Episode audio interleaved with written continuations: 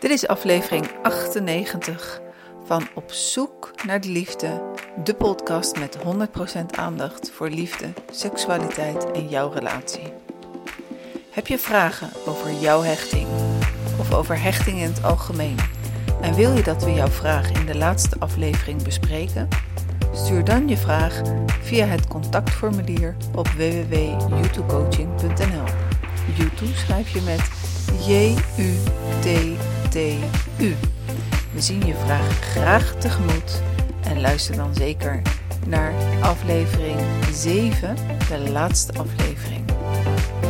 Laat ons weten wat je van deze serie vindt en als je het leuk vindt, deel deze podcast gerust in jouw kring en of met jouw cliënten. Een persoonlijke noot van mij. Aflevering 1 tot en met 4 zijn opgenomen toen ik nog getrouwd was. Inmiddels is dat niet meer zo, maar daar ik wel het een en ander vertel over mijn, over mijn privéleven, vind ik het belangrijk om even te melden. Veel luisterplezier met deze aflevering. Onveilig gehecht. Wat nu? Hi, wat leuk dat je luistert. Mijn naam is Annette Burgers. Ik ben relatietherapeute bij YouTube Coaching en stiefcoach bij Stiefgoed Den Haag West.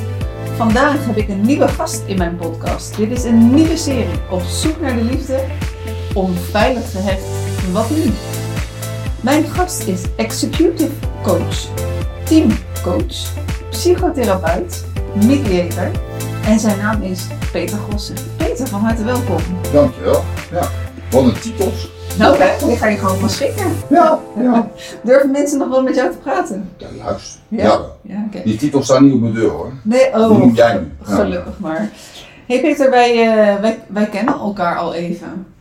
Weet jij nog waar wij elkaar hebben leren kennen? Zal wel in de kroeg zijn geweest. Ik weet Nee. het niet. Nee? Nee. Weet jij het? Ja, ik weet het nog wel. Oh jee, dat begint al goed deze overhoring. niet, niet, niet Gezakt. Weet gezakt. Nou, dan ga ik even jouw geheugen opfrissen. Eh, ik deed een opleiding voor mediation Ja, bij BVL was dat? bij, Ja. eh, bij BGL heel lang geleden. En eh, toen had ik een, een docent, Maud van den Berg. Echt helemaal geweldig. En zij vertelde dat er voor een rollenspel twee mannen uit Den Haag kwamen. Ha- wel echt wel van die eh, Haagse, Haagse Johnny's. Zoiets. En, eh, en toen kwam jij daar met, eh, met een collega. Nou weet ik het weer. En, Jeetje. ja, dat was heel lang geleden. En ehm, toen was het inderdaad van, voor mij was het super interessant, want jij was wel wel werkzaam als mediator. En ehm, ik was ook wel heel, heel erg van het netwerken. Dus ik heb toen niet meegedaan met het rollenspel. Dat durfde ik niet. Vond ik eng. Eh, maar ik heb daarna wel contact met je gezocht. Ja. Van, eh hey, we zitten in Den Haag. En, eh, nou, en wie weet. Hè, dus Nou, ik weet wel dat er een leuk contact is ontstaan, toch? Ja. Precies. Daarna heb ik nog een opleiding bij je gevolgd. Dat heb ik. Ja. En, en, en daarna zijn we samen inderdaad de kroeg ingegaan, zo'n beetje. ja. Apart. Vaak herinner je je de kroeg niet meer, maar ik wel. Precies, hè? Maar de opleiding wist ik ook. Ja. Ja. Ehm, voor vandaag gaan we beginnen. Want ons onderwerp en ons thema in een aantal afleveringen komt dan terug, hè? onveilig gehecht. Ja. Een heel belangrijk onderwerp. Ehm, daar zo meteen over nog veel meer. Eh, Peter, de podcast heet Op zoek naar de liefde. Heb jij de liefde gevonden in je leven? Maar eerst, wat betekent liefde voor jou? Dat zijn twee vragen. Ik zal met de laatste beginnen. Ik, ik vond het wel leuk, want ik heb, ik heb ik zei gisteravond nog eens zitten nadenken de. En, en je hebt de dikke vandalen, zeg maar. Dat doe ik maar even opzij gelegd, hè, want daar staan allemaal leuke definiëringen in. En voor mij is liefde een soort eh, gevoel van, wat ik zeg, ik heb, het- ik heb het lang niet altijd, maar ik heb een soort gevoel van flow. Ken je de term flow? Hè, Dus eh, ja, het gaat door je lijf heen. Het is een somatic experience. Nou, de term heb ik nu al benoemd, daar zullen we nog wel eens op terugkomen. Ehm, en die ervaar ik bij mensen gewoon. En dat hoeft niet altijd te zijn in, in, in, mijn, in mijn liefdesleven. Hè? Want eh, ik heb een hele lieve vrouw. Maar ehm, ik ervaar het ook in mijn werk. Dat ik van die momenten heb dat ik liefde voor het vak heb. Dat ik denk dat alles goed gaat, dat het lekker loopt. Dat is voor mij liefde. En dat ik dicht bij mezelf ben. Oké, dus het heeft ook te maken met zelfliefde. Eh, ja, eigenliefde. Hoewel, want ik, ik, ik heb altijd wel wat met die woorden, weet je wel. Ja, van, eh, ook ben op, op zoek naar de liefde. Nou, je zei al, ik ga dan gelijk nadenken. Ja, heb ik dat dan gevonden? Ja, soms vind ik het niet en soms wel. En dat maakt liefde voor mij ook heel dynamisch eigenlijk. Het is soms goed om wat eh, afstand te hebben van, eh, van bepaalde gevoelens. Om te kunnen relativeren met alles. En ik vind ook met liefde. Ja. En welke aspecten van, eh, van de liefde vind jij belangrijk voor jouw liefdesrelatie? Ehm, nou, er zijn voor mij drie aspecten heel belangrijk. Eh, niet in de laatste plaats zal ik bekennen, omdat die aspecten ook terugkomen in de, in de, de colleges en de lessen die ik geef. Dat is vertrouwen, ehm, in de ruimste zin van het woord, wellicht komen we daar nog op. Dat is dat je eh, authentiek kan zijn en dat ik me veilig weet. En die laatste vind ik helemaal super belangrijk. En wat heb jij nodig om je veilig te voelen? Ehm, nou, ehm, ik ben heel erg omgevingsgevoelig. Dus ik eh, gedij goed bij een omgeving die voor mij letterlijk fysiek ook heel prettig is. Ehm, en ik heb wel een. eh, ik, ik zou nooit. Ik, ik ben niet echt een kluizenaar, dus ik ben altijd wel. eh, ik voel me erg thuis bij, mijn- bij mijn partner, zeg maar. Ja. En, Dus het is persoons- en omgevingsgebonden met name. En, en wat doet je partner er dan voor om, eh, eh, om jou dat veilige gevoel te geven? Die is zichzelf. Wij hebben echt wel een match met elkaar. Ja. En zij is zichzelf. En, en wat, wat bedoel je daar dan mee? Hoe, hoe kan zij zichzelf zijn zodat jij je veilig voelt? Omdat ze mijn capriolen eh, redelijk accepteert. Het wordt niet elke keer gedoe. Wat zei je? Het wordt niet elke keer gedoe als je een capriool uithoudt. Integendeel, integendeel hè? Dus, en dat is over en weer. Eh, ik denk dat ik niet altijd een even makkelijk mens ben. Eh, mede ook gevormd door het onderwerp waar we het nu over hebben.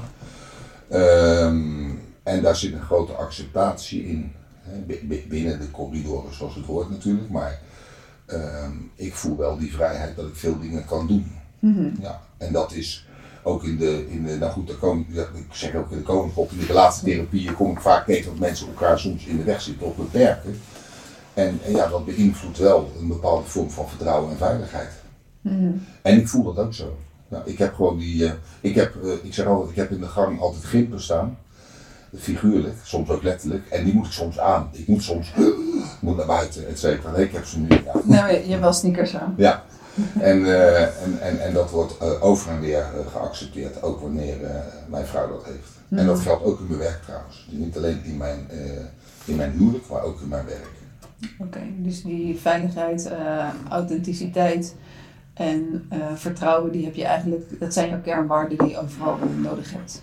Ja, ja, zeker weten. Ja. Oké.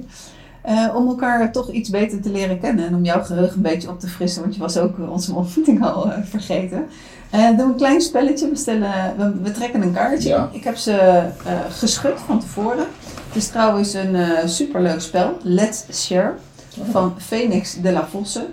En het zijn eh 100 open vragen om intimiteit en begrip op een speelse manier te vergroten. Eh. Als het eh, relatiegerelateerde vragen zijn, dan, doen we het, dan passen we ze een beetje aan. Zodat we het eh, naar, naar, de, naar de partners kunnen vertalen. Ik heb ze al geschuffeld, maar je, als je. Dat is natuurlijk een stukje van vertrouwen. Vertrouw je erop dat ik ze ges- geschuffeld heb? Ja, Ja? wou je ze even één oplezen zo? Nee, nee, nee, nee, nee. nee. Nee joh, ik vertrouw dat eens goed. Moet ik gewoon één trekken dan? Ja, jij trekt een vraag en die stel je aan mij. En, en, en, Oh, en vice versa. Ja. dus eh, Nou. ja, je mag beginnen. Oh ja, joh. eh, ja, jij mag ook beginnen. Ja, je mag trokken, stel hem maar. Oh, is er iemand, Annette, die je nooit meer tegen zou willen komen? En waarom is dat? Zijn twee vragen. Oké. Ehm, is er Dat iemand... begint gezellig. Dat is eh, super. Jouw idee. Ja, Ja. ja, ja, ja. Nou, weet je, eh, dat zou misschien in een, ver- in een ver verleden nog wel zo geweest zijn. Ehm, maar ehm, ik heb zoveel rust in mij gekregen de laatste jaren. Eh, ik, ga zo, ik kijk zo anders naar mensen en naar gebeurtenissen dat, ehm, dat, ik, dat ik iedereen nog wel tegen zou komen. Het hangt wel vanaf of ik een leuk lang praatje wil maken of dat ik denk van, nou dat was het dan wel. Maar dat, dat staat er niet. Nee, dus eh, ik, kan, ik kan iedereen tegenkomen. Of iedereen mij tegen wil komen is dan ook nog wel een beetje de vraag, maar dan denk ik ook wel. Ja. Ja? Gaan we door. Oh, oh, ik, hoef, ik mag niet doorvragen. Oh, dat is dan typisch mijn vak, dat ik ga doorvragen. Ja, nee, nee, dat is zelfs verboden. Oh, jij pakt de bovenste. Ja. Ja, heel toevallig. Oh, ja. Ehm, toen jij een klein kind was, waar bestond het spelen voor jou uit? Wat voor een spelend kind was jij? Ja, nou, daar vallen we binnen met de. eh, ja. Ehm, wat voor spelend kind was ik? Nou, ik was een kind wat heel goed alleen kon spelen, wat ik mij kan herinneren. Ik weet dat ik heel veel met mijn moeder deed tot mijn zesde jaar. Kan me nog een, je hebt wel eens van die beelden, die, van die flarders, die op een skeltertje, dat mijn moeder erachteraan ging. Ik weet nog precies in Den Haag. En ehm, na mijn zesde ging mijn moeder weer werken en kregen we een eh, soort au pair apparaat in huis. En eh, ja, toen was eigenlijk het contact veel minder. Ik ben opgegroeid in een vrij onveilige externe omgeving, zeg maar. Komen we later op terug. Ja, en ehm, ook intern waren er nogal wat eh, verschuivingen, om het maar zo te zeggen. Ehm, dus ik heb wel geleerd om mijzelf eh, flink te vermaken. En ik had wel twee of drie vaste kameraden, zeg maar, die tot heel lang eh, mee zijn gegroeid. En vanaf mijn puberteit hadden we een soort vaste groep. En dat heeft nog echt eh, tot, eh, tot eh, na mijn eerste huwelijk had ik daar nog steeds contact mee. En ik kom ze heel af en toe nu nog tegen. Maar was jij dan een jongen die de straat op ging in Den Haag? Of was jij een jongen die meer met zijn Lego thuis Nee, bezig dat was? eerste. Ja. Dat eerste, Ja. de straat op. Ja, ja. En wat voor baldadigheden heb je uitgehaald? Je mag er eentje noemen. Weet je wat mij nou zo opvalt? Dat ik wel... Dat ik één vraag stel en jij drie. Die gaat niet op, mevrouw Burger. Die gaat echt niet op. Nee. Oké, Maar ja. ik zal je matsen. Ik Oké. zal je matsen. Eén keer, hè? Eén keer, Oké. Wat was je vraag?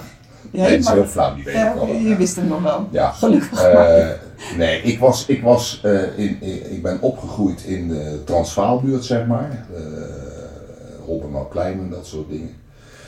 Mijn vader had drie bar en drie snackbar in dat centrum daar. Eh, later zijn we naar richting de Meppelweg gegaan. Dat is tegenwoordig, eh, dat was toen, moest je met een ballotagecommissie binnenkomen. Dat ging al vrij snel, hoefde dat niet meer. En eh, nou, daar waren we wel redelijk bekend in die buurt. daar ja. Ja. Maar het is niet zo dat ik allerlei criminele dingen heb gedaan, maar Boefjesdingen. ja, ja, ja, dat heb ik toch wel eh, Dus iedereen in die wijk van eh, jouw leeftijd, die weet wel wie Peter Ja. is. Merendeel wel, denk Ja. ik, ja. Overigens de anderen ook hoor, we kenden elkaar. Hè? Dus, eh, Precies. Je, je mag een kaartje dan trekken. ja, nou, nou zal ik eens eventjes... eh, ik vind dat leuk zeg, dit. Oh ja, oh, dat is ook leuk. Wat betekent familie voor jou? Familie. Familie ehm, betekent heel veel voor mij. Eh, ik ben, toen, toen ik vier was, zijn mijn ouders gescheiden. Ik ben enig kind. Dat heb ik als heel vervelend ervaren. Ehm, ik heb altijd wel, ja, als, er, eh, als ik dan met mijn moeder na hun scheiding, eh, als we met z'n tweeën op vakantie gingen, heb ik echt wel met, eh, met een bepaalde vorm van jaloezie naar, naar grote families gekeken. Ehm, toen ik later eh, verliefd werd en eh, met de vader van mijn kinderen een gezin startte, stond voor mij ook als paal boven water. Als ik kinderen kan krijgen, dan in ieder geval niet één, maar in ieder geval twee. Ehm, en dat is, eh, dat is ook zo uitgekomen. Helaas is hij veel te vroeg overleden. Dat heeft ook iets gedaan met, met de familie. Vanaf, eigenlijk vanaf het moment dat hij overleed, had ik wel zoiets van, eh, want hij kwam uit Zuid-Amerika, was politiek vluchteling. Eh, dus vanaf dat moment was het zoiets van, oké, dan is het aan mij nu ook om die band met de Zuid-Amerikaanse tak van de familie, om die, eh, ja, om die vast te houden, om, om daar leven in te zetten en om gewoon voor mijn kinderen het belang van, van familie voorop te stellen. Dus dat heb ik gedaan. Met als gevolg, dat is wel heel erg leuk, dat eh, wanneer dan ook, of eh, ja, op welk moment mijn kinderen of ik naar Zuid-Amerika zullen gaan, worden wij eh, met open armen ontvangen. Want zeker, zeker in Zuid-Amerika is dat het familiegebeuren nog vele malen belangrijker dan dat hier in Nederland is. En het is eigenlijk ook nog teruggekomen in het aspect van, van mijn partners. Ehm, daar, ik weet nog heel goed, er was een moment, ver in het verleden, uh, waarop ik uh, op het punt stond om te kiezen tussen twee mannen. En ik weet, ik weet echt nog welke slaapkamer ik sliep, op dat moment ook alleen. En toen dacht ik, welke man vind ik nou eigenlijk de leukste vader? Want hoe doet een, kind, hoe doet een man met zijn kinderen? Dat is voor mij ook echt uh, wel een, een, belangrijk aspect daarin. Ehm, op dit moment hebben we een groot samengesteld gezin. Uh, dat vind ik ook hartstikke leuk. Ik heb natuurlijk twee kinderen en uh, mijn kinderen die, die hebben een partner. Uh, en Matthijs heeft vier kinderen, waarvan drie biologisch en één meegenomen uit zijn tweede huwelijk. die hoort er ook helemaal bij. En ik vind het helemaal geweldig dat wij straks met alle kinderen en degene die een partner hebben, nemen de partner mee dat wij uh, een weekje op vakantie gaan, kinderen erbij, kleinkinderen erbij, dat familiestukje. En dat, dat is natuurlijk ook wel het stukje wat ik dan vroeger gemist heb. Maar dan komt het op deze wijze komt dat, uh, in mijn leven terug. Dus die. Ja, goh, wat leuk dat jij eigenlijk familie uh, existentieel doet, hè? dus in de bloedlijn. En, en mijn associatie zou dan zijn ook hè, existentieel, de bloedlijn. Maar ik heb ook wel een verworven loyaliteit met mensen die niet a priori direct in de familieband liggen, maar die ik wel reken tot familie. Mm -hmm. Leuk hoe dat is. Mm -hmm. Ik vind het leuke kaartjes. Ga er nog eens stellen en vragen? Ja, we gaan er nog uh, twee bij elkaar doen, okay. zo'n beetje. Een hele mooie vraag. Wat betekent vrijheid voor jou? Jongen, jongen. Ik vind het allemaal niet heel... Ik ga ook zo'n bovenste vraag stellen. Die heb je gewoon neergelegd daar. Dus ja wel. Jongen, jongen. Wat betekent vrijheid voor mij? Uh, vrijheid betekent voor mij dat ik uh, uh, een vrije geest ervaar. En hoe ervaar ik die? dat ik mijn gedachten, mijn ideeën, mijn behoeftes open en eerlijk kan ventileren. En, en, uiteraard naar, naar mijn, mijn vrouw toe, maar ook naar kennissen, vrienden en dat soort zaken. Uiteraard wel ik kan alles ventileren, maar ik ben wel verantwoordelijk op welk moment en op welke wijze ik dat doe en, en hoe ik daarna handel. Maar dat vind ik wel heel belangrijk. Ik kom veel mensen tegen die die vrijheid niet kennen op die manier, laat ik het zo maar zeggen. Die het moeilijk vinden om voor hun voorkeuren of hun behoeftes uit te komen. Ook naar partners bijvoorbeeld in, in, in therapie, in relatietherapie, dat ze dat beangstigend vinden omdat ze gevoed worden door angst als ze iets bekennen. Terwijl er feitelijk nog niks, te niks ernstigs te bekennen is, maar meer je eigen behoeftes. Nou, dan kom je weer op, op veiligheid terug, denk ik. Mm-hmm. En dat is zeker een aspect waar we ja. volgens mij echt wel op terugkomen. Want dat ja. stukje je behoeften en je verlangens vertellen aan je partner. Ja, nou, dat is wel een ding. Ja. ja. Maar daar komen we op terug. Uh, oh ja, ik mag er nog één, mag, of, of gaat dat niet meer? Ja, ja, ja. ja, ja. uiteindelijk ik ja. doe nog één bij jou en jij mag nog twee bij mij. Dan zijn we rond. Ja, dit is toch ook weer... Nee hoor, die... ik wil gewoon een andere vraag. Dag, de mazzel. Oeh, ben ik wel heel nieuwsgierig naar welke vraag dat uh, dan nu eigenlijk was. Oh, dat vind ik wel een hele leuke dit. Het is een beetje Koviaans. Wat zou je willen dat mensen zich van jou herinneren? Dat mm. vind ik wel een aardige. Ja. Om het dus, zelf maar even te duiden. Precies, hè? dus uh, stel dat uh, ik de pijp uitga uh, hoe mensen.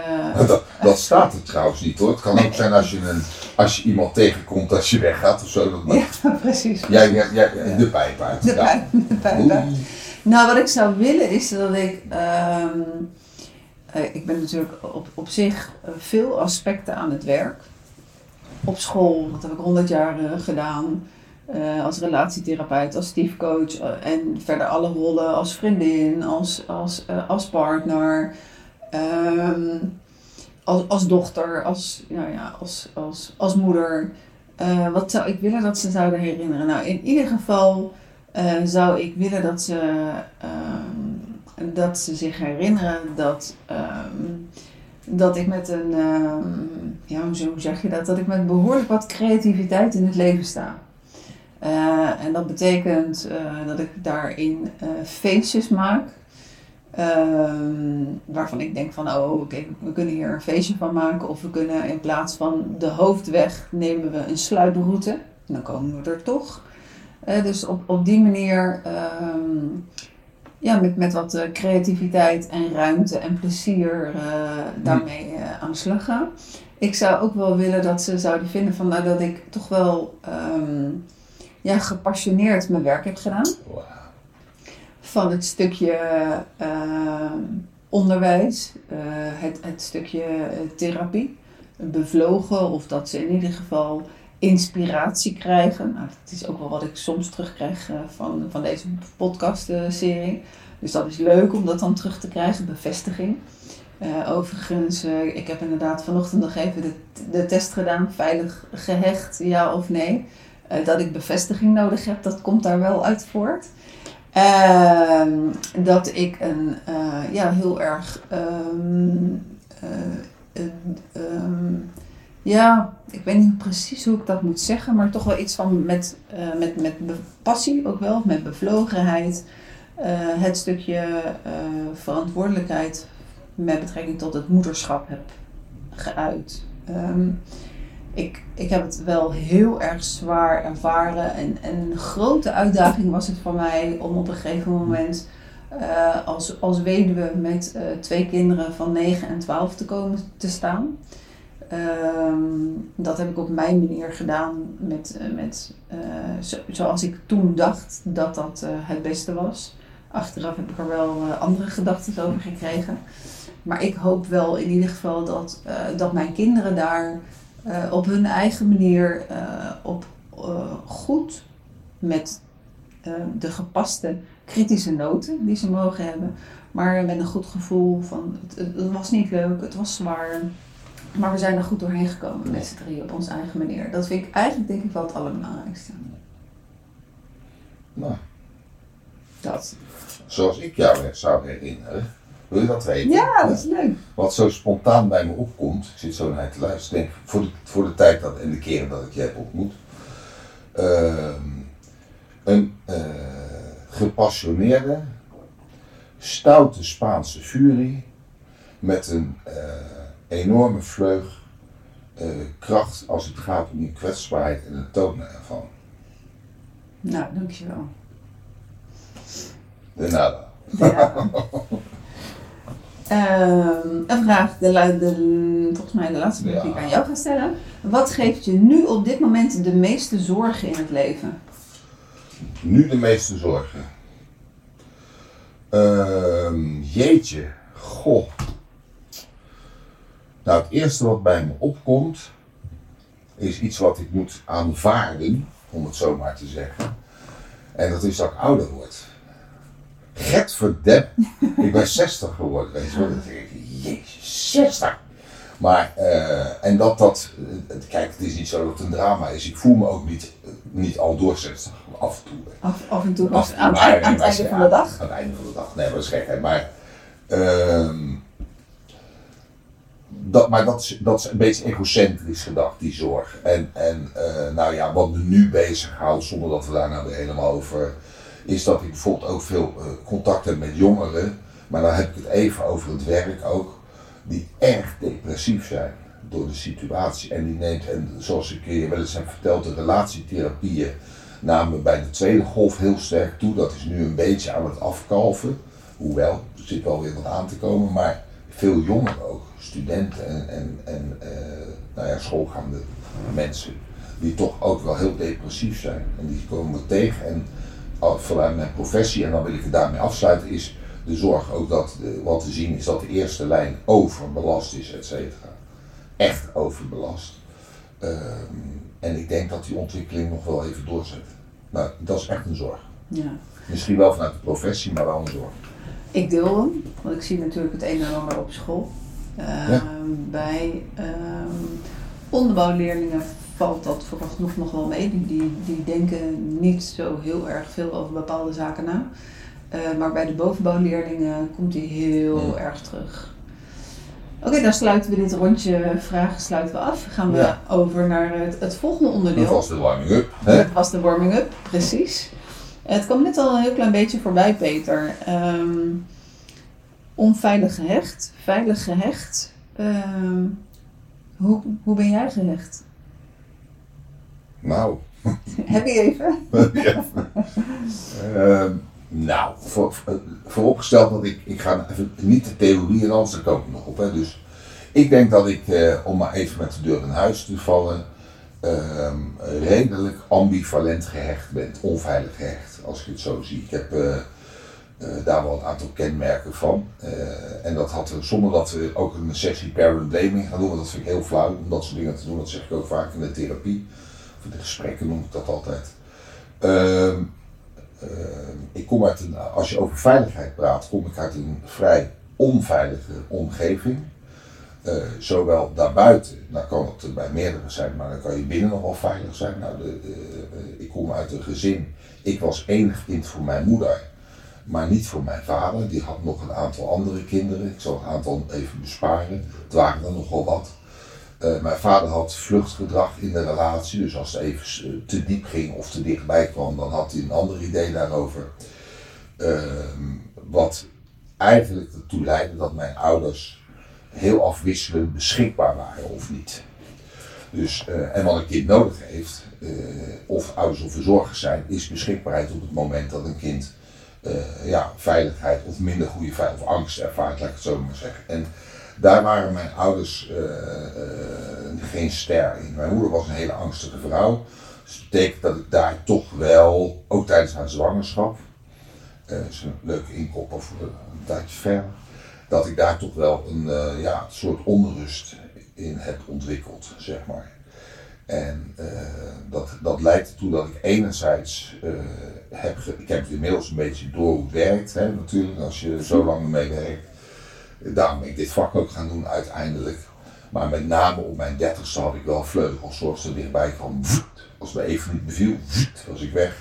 Maar aan de andere kant, als ik dan in een relatie zat, eh, waarin zeg maar een, een bepaalde dominantie was, dus een ongelijkheid, dan ha- had ik ook heel snel de neiging om vast te klampen. Dus ik was, ik was aan de ene kant een soort, eh, ja, noem het nou, parasiet, wel heel smerig woord, maar een soort, zo, weet je wel, van verlaat me niet. Maar als iemand dan kwam, dan was ik ook gelijk weer vertrokken. Dus eh, nou, dat noemen we de gedesorganiseerde, wordt verwacht in het theater van het sentiment. Nou, dat zo'n beetje. Ja. Dat, Heb ik het goed uitgelegd? eh, ja, maar sowieso heb je het natuurlijk toegepast op je, op je, op je eigen situatie. Ja. Ehm, en ehm, nou, je zegt net, hè, ik ben eh, nu 60, eh, toen was ik 30. Ehm, en je vertelt hoe je daarmee omging eh, op je 30ste. Ehm, waar is een beetje je eigen kantelmoment gekomen van, oké, nu leer ik mezelf kennen en nu ga ik er misschien wat, wat anders mee om? Er zijn een aantal, ik noem het piketpalen geweest. Ik denk dat, dat ik met een jaar of 33, dat gaat misschien nu voor, voor deze podcast te ver, allemaal te, maar met 33 is wel een behoorlijk moment geweest. Met mijn 40ste heb ik zo'n piketpaalmoment gehad, 40, 41, dat was echt een fors kanteljaar, het grootste wel. En toen ik 49, 50 was, kreeg ik ook een aantal inzichten en eh, heb dingen gedaan die ik voor, daarvoor nooit voor mogelijk had gehouden. En ja, dat heeft me wel uiteindelijk gebracht dat ik wel redelijk eh, bevrijd ben en beveiligd voel. Eh, ik heb dat dan nooit gehad die jaren ervoor, jawel, alleen minder bewust. Dus eh, het is ook een kwestie van bewustwording. Hè? Dus ik heb veiligheid ervaren ook. Ik heb zeker ook veiligheid ervaren in die jaren. Het is geen kommer en kwel geweest. Ehm, heb ik vertrouwen gehad? Uiteindelijk wel. Maar dat heeft, wel lang, dat heeft misschien nog wel veel langer geduurd. Kan je een voorbeeld geven van zo'n eh piketpaaltje met heel veel inzichten? Eh, ja, dat kan ik wel. Ehm, het was een beetje aan het eind van mijn eerste huwelijk, zeg maar. Ehm, dat zat er wel aan te komen, dat wisten we ook allebei wel. Ehm, los van alle inhoudelijke dingen, want dat vind ik nou even niet, niet relevant om dat te benoemen. Maar ik werd ook geconfronteerd met een eh, levensbedreigende ziekte van mijn jongste zoon. Hè, die kreeg leukemie. En daarbij eh, in dat jaar overleden er zes mensen, waaronder mijn zus, mijn halfzus dan natuurlijk heel goed omging, met wie ik ook heb samengewoond, mijn moeder overleed. En op zulke momenten wordt eigenlijk een stukje referentiestructuur wordt, nou ja, weggeslagen, zeg maar. En moet je toch varen op een eigen kompas. En eh, dat was wel een, eh, om in focus te zeggen, een behoorlijke, nou, piketpas. Het is ongeveer een Amsterdammetje voor drie. Maar, eh, maar het was, eh, kijk, nu kan ik erom lachen, maar dat was wel een hele onzekere tijd. En dan word je echt eh, op jezelf teruggeworpen, zeg maar. Wat natuurlijk het meest belangrijke is, is dat. eh, ik, ik ben toen ook bij, bij mijn toenmalige vrouw gebleven.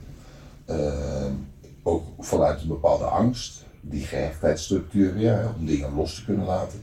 Maar daar was ook geen discussie over, want ja, ik moest gewoon, ik vond gewoon dat ik bij mijn zoon moest zijn op dat moment. En later eh, is, eh, is weer later en dan zijn die keuzes wel gevallen, om het zo maar te zeggen. Mhm.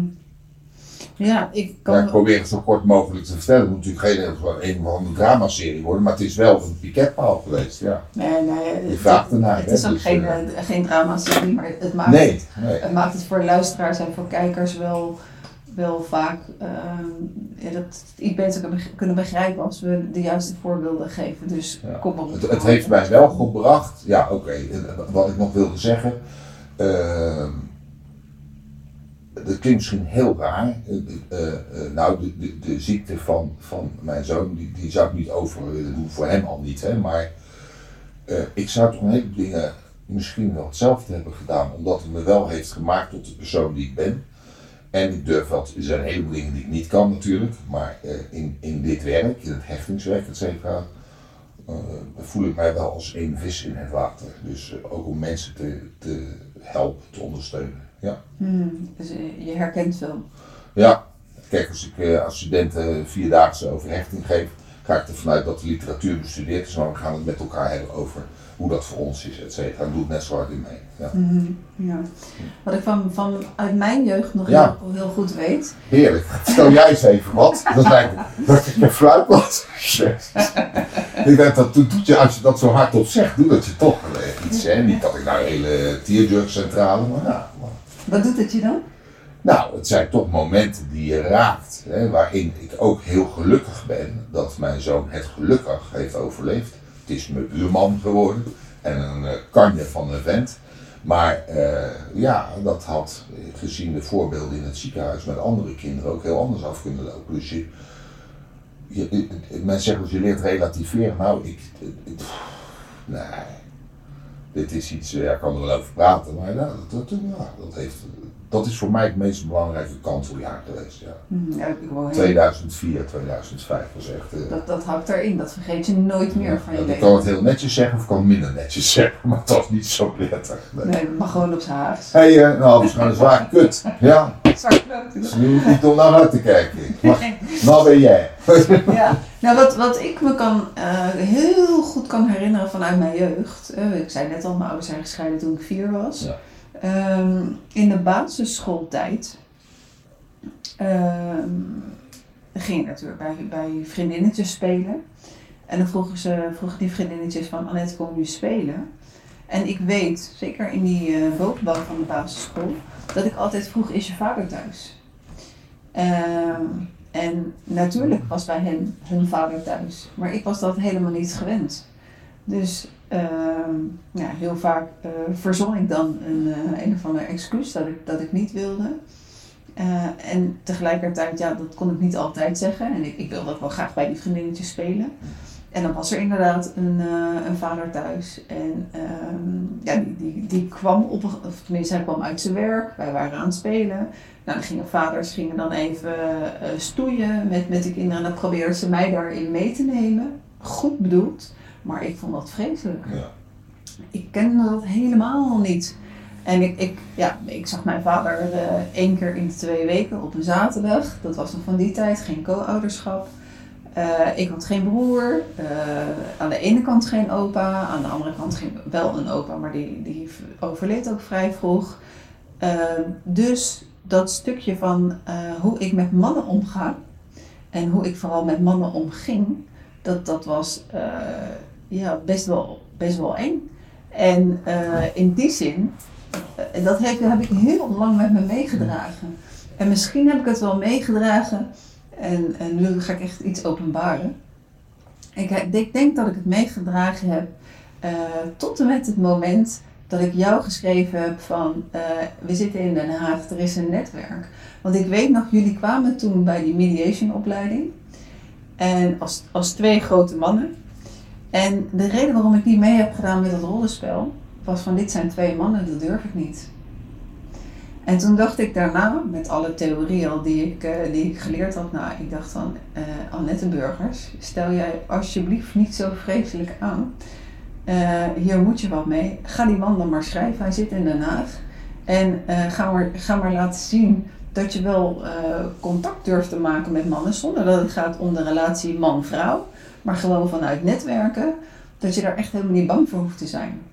Dus toen heb ik je opgezocht en toen heb ik dat uh, uh, nou ja, in gang gezet en hier zitten we dan nu. En ik denk echt wel, voor mij is dat wel heel bewust geweest van ik moet anders met mannen omgaan, om leren gaan dan, dan dat stukje angst. Dus dat. Nou, ik ben toch blij dat ik enigszins aan jouw heling heb mogen deelnemen, zonder dat ik mezelf bewust was. Dus, nee, nee, precies, de heling moet je ook vooral zelf doen, hè, ja, natuurlijk. Ja, He, dus, uh, ja. dus in, in die zin, um, ik, ik, dacht ook eigenlijk altijd van nou, ik heb helemaal geen last gehad van, uh, van, van dat scheidingstukje, van dat hechtingstukje, totdat je dan van opleiding naar opleiding gaat en dat je op een gegeven moment denkt van oh shit, dit, ja, hier, hier moet ik wel mee. Ja, maar dat zit ook vaak in die opleidingen met leertherapie natuurlijk. Dat heb je niet voor niks, omdat je allemaal wel een stukje tegenkomt wat je, als je, dan, als je die professie wil gaan doen, wat je gewoon moet helen. Mm -hmm. En wat is helen? Hè? Maar je moet het in ieder geval eens onder de loep in het licht zetten. Je moet het niet in de schaduw laten staan, want je krijgt mensen met dezelfde problematiek. Ja, nou, we kennen allebei natuurlijk overdracht tegen overdracht. In dit geval overdracht, ja, dan zit je natuurlijk weer te wachten. Dat kan niet. In ieder geval je, je cliënt niet. Nee, uh, precies, precies. En ik, ik zelf ook niet. Nee. Nee, dus, uh, dus wat, wat dat betreft ben ik echt wel uh, daarmee aan de slag gegaan. En uh, ik kan wel zeggen van, nou, ik ben voor geen man meer bang. Goed zo, hou zo. Hey, dan wordt het nu zo langzamerhand tijd dat we een beetje de diepte ingaan over hechting. Ja. Um, waarom is hechting belangrijk in een relatie, volgens jou? Oeh.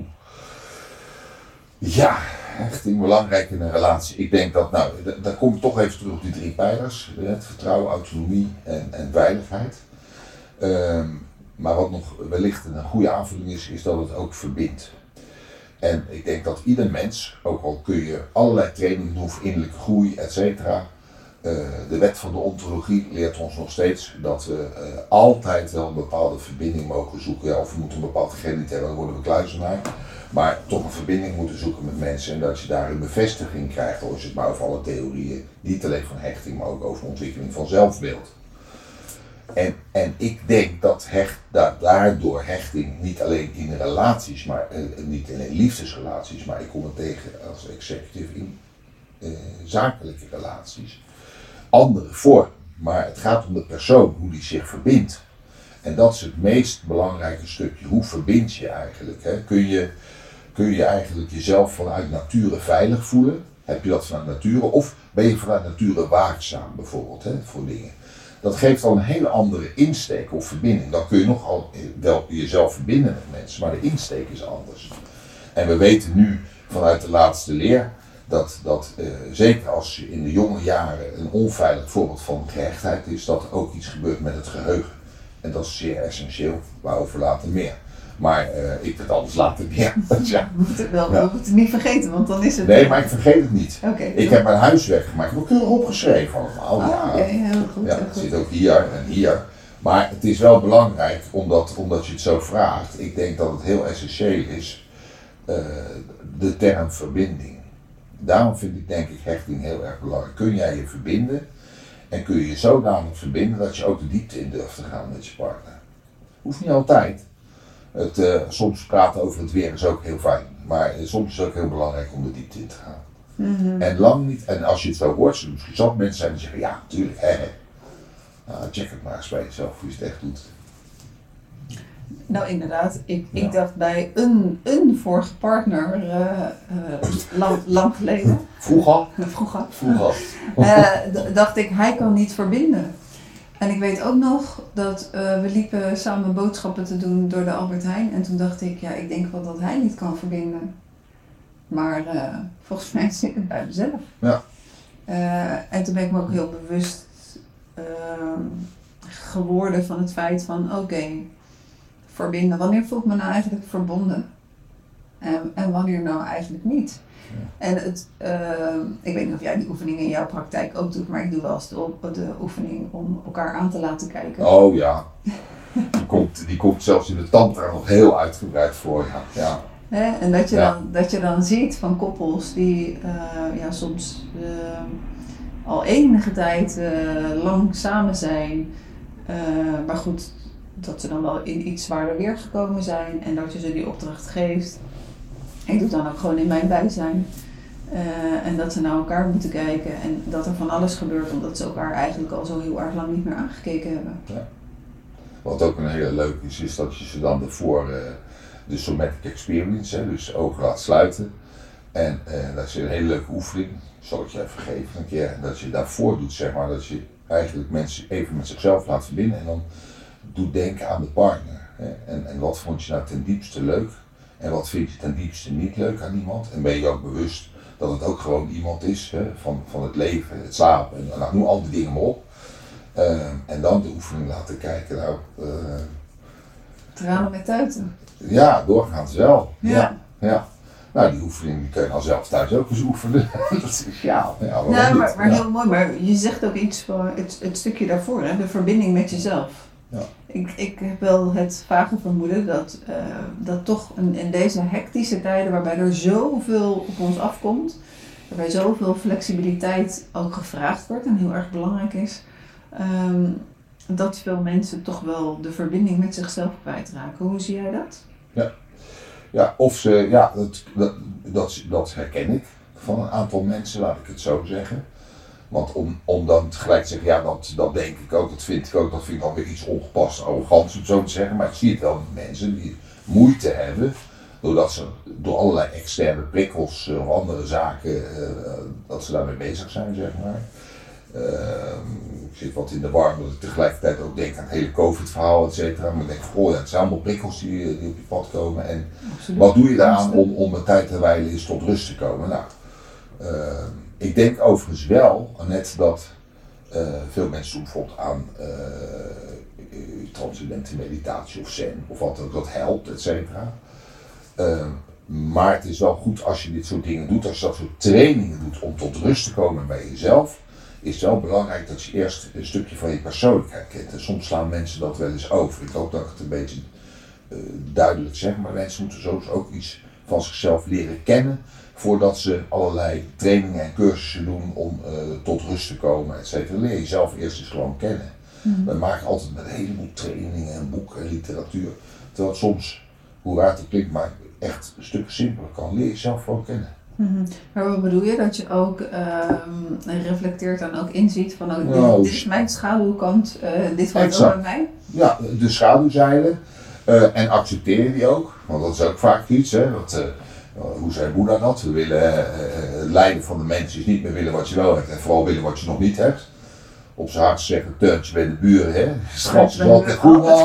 Ja. Ja, als je daarop gaat staan, wordt het daar weer geel en hier weer groen. Dus, eh, maar feitelijk is het wel zo, vind ik. Vind, is mijn mening. Hè? Dus eh, leer jezelf een beetje goed kennen, een beetje omgeving. Maak het jezelf niet zo moeilijk.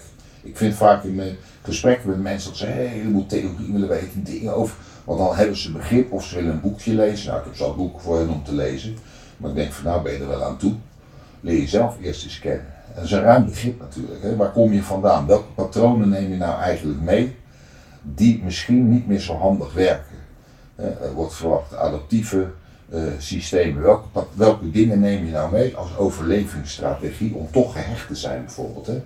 Wij mensen zijn uitstekend in staat in de jonge jaren, ook vroeger, in de jonge jaren om bijvoorbeeld wanneer je slecht gehecht bent, om daar een bepaald systeem op te zetten. Kinderen doen dat echt, hè?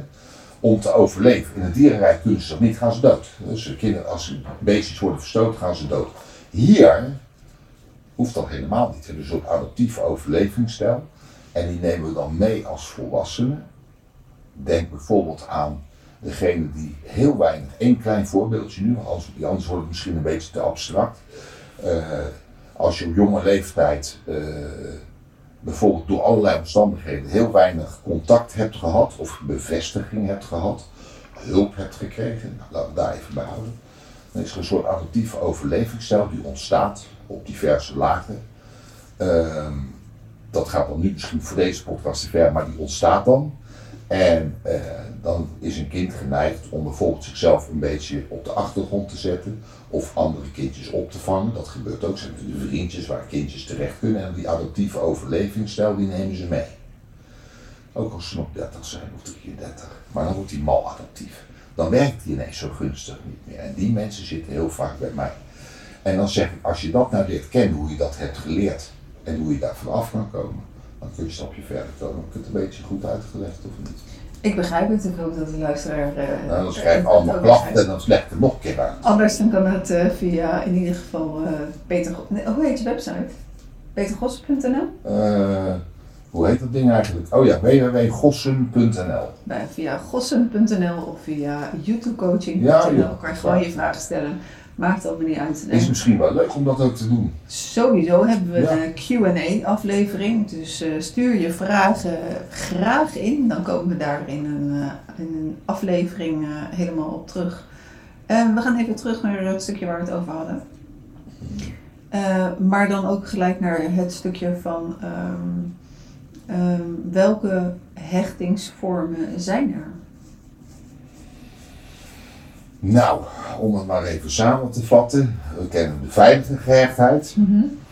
We kennen eh, in de onveilige gehechtheid drie vormen. Hè. De angstig vermijdende gehechtheid.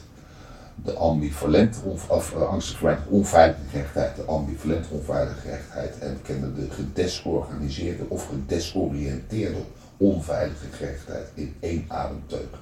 Mag je kiezen of het gedesorganiseerd of gedesoriënteerd is. Zo, dat, is wel een mond vol, hè? Nou, maar de- jij vroeg toch ook het was? Dus Ja, ja, ja, helemaal Ja. goed, helemaal goed. Ja. Voor, voor de geïnteresseerde luisteraar of kijker, ehm, je kan eh, op internet kan je diverse testen vinden. Hè, dus Ja. Google gewoon op een hechtingstest. Psychologie tijdschrift heeft ook een leuk testje. Precies, ik heb hem vanochtend gedaan. Ja. Oh, Eh, jij ook toch? ja. Bij, eh, bij mij kwam, eh, wa- was het zeer herkenbaar in ieder geval eh, wat eruit kwam. Dus in, sowieso zijn de, de testen die Psychologie Magazine doen, die zijn wel, die zijn wel leuk hoor. Ja. Dus dat is sowieso een aanrader om, om die te doen. Ehm, vier soorten. Ehm, veilig gehecht, eh, voor de luisteraar en de kijker, 50% eh, valt daaronder hè, van, de, van de mensheid. ja, het is iets omlaag gegaan. Dat was 60. Ja. Ja. ja. Ja, het hebben we met die vluchtelingen en, eh, en alle andere perikelen natuurlijk. Ja, ik denk dat ze het, ik weet niet hoe ze het precies nu op dit moment bijhouden, maar eens in de zoveel tijd houden ze het bij. Maar eigenlijk hebben dus een heleboel mensen die onveilig gehecht zijn. Hè? Want stel, al zou het 60 zijn geweest, dan nog dan die 40. En nu praten we over 50 procent. Ja, en ik, ik vond het wel eh, heel ehm, inzichtelijk ook wat ik erover las. Want ehm, van die 50% veilig gehechte mensen, die zitten vooral ook in, eh, in, de, in de vaste relaties. Dat betekent, die 50% onveilig gehechte mensen, eh, die zoeken elkaar op. En dan is het ook alweer te snappen van, hé, hey, daar, daar zit wel een uitdaging. Onveilig gehecht en onveilig gehecht. En dat, dat, dat moet wel met elkaar. ik, vind, ik vind het wel een leuke conclusie, die moeten we opschrijven. We hebben enig veldwerk verricht. Nee, het is nergens maar wetenschappelijk Sterk schreef een prachtig boek over, over die tekenen, die contradicties. En die schrijft dan van, ja, hoe komt het nou dat iemand die bijvoorbeeld angstig vermijdend onveilig gehecht is, eh, dat, die, dat, dat, die, dat de aantrekkingskracht er is van iemand die ambivalent, ja, dat zijn tegenpolen, dat trekt elkaar aan. Het is heel apart hoe dat werkt. En die heb je ook in de huwelijk trouwens hoor. O- ook dat, maar goed. Ja, niet bij mij thuis, maar je hebt ze wel. Maar als, als stel al, je bent je Ja. heel erg bewust en je gaat op zoek naar een veilig gehecht iemand, Ja, dan is de conclusie dat de meest veilig gehechte mensen, die, die, die zitten al in die, eh, in die langdurige relatie. Ja, die zijn eigenlijk voor de dames alleen maar flatte mannen.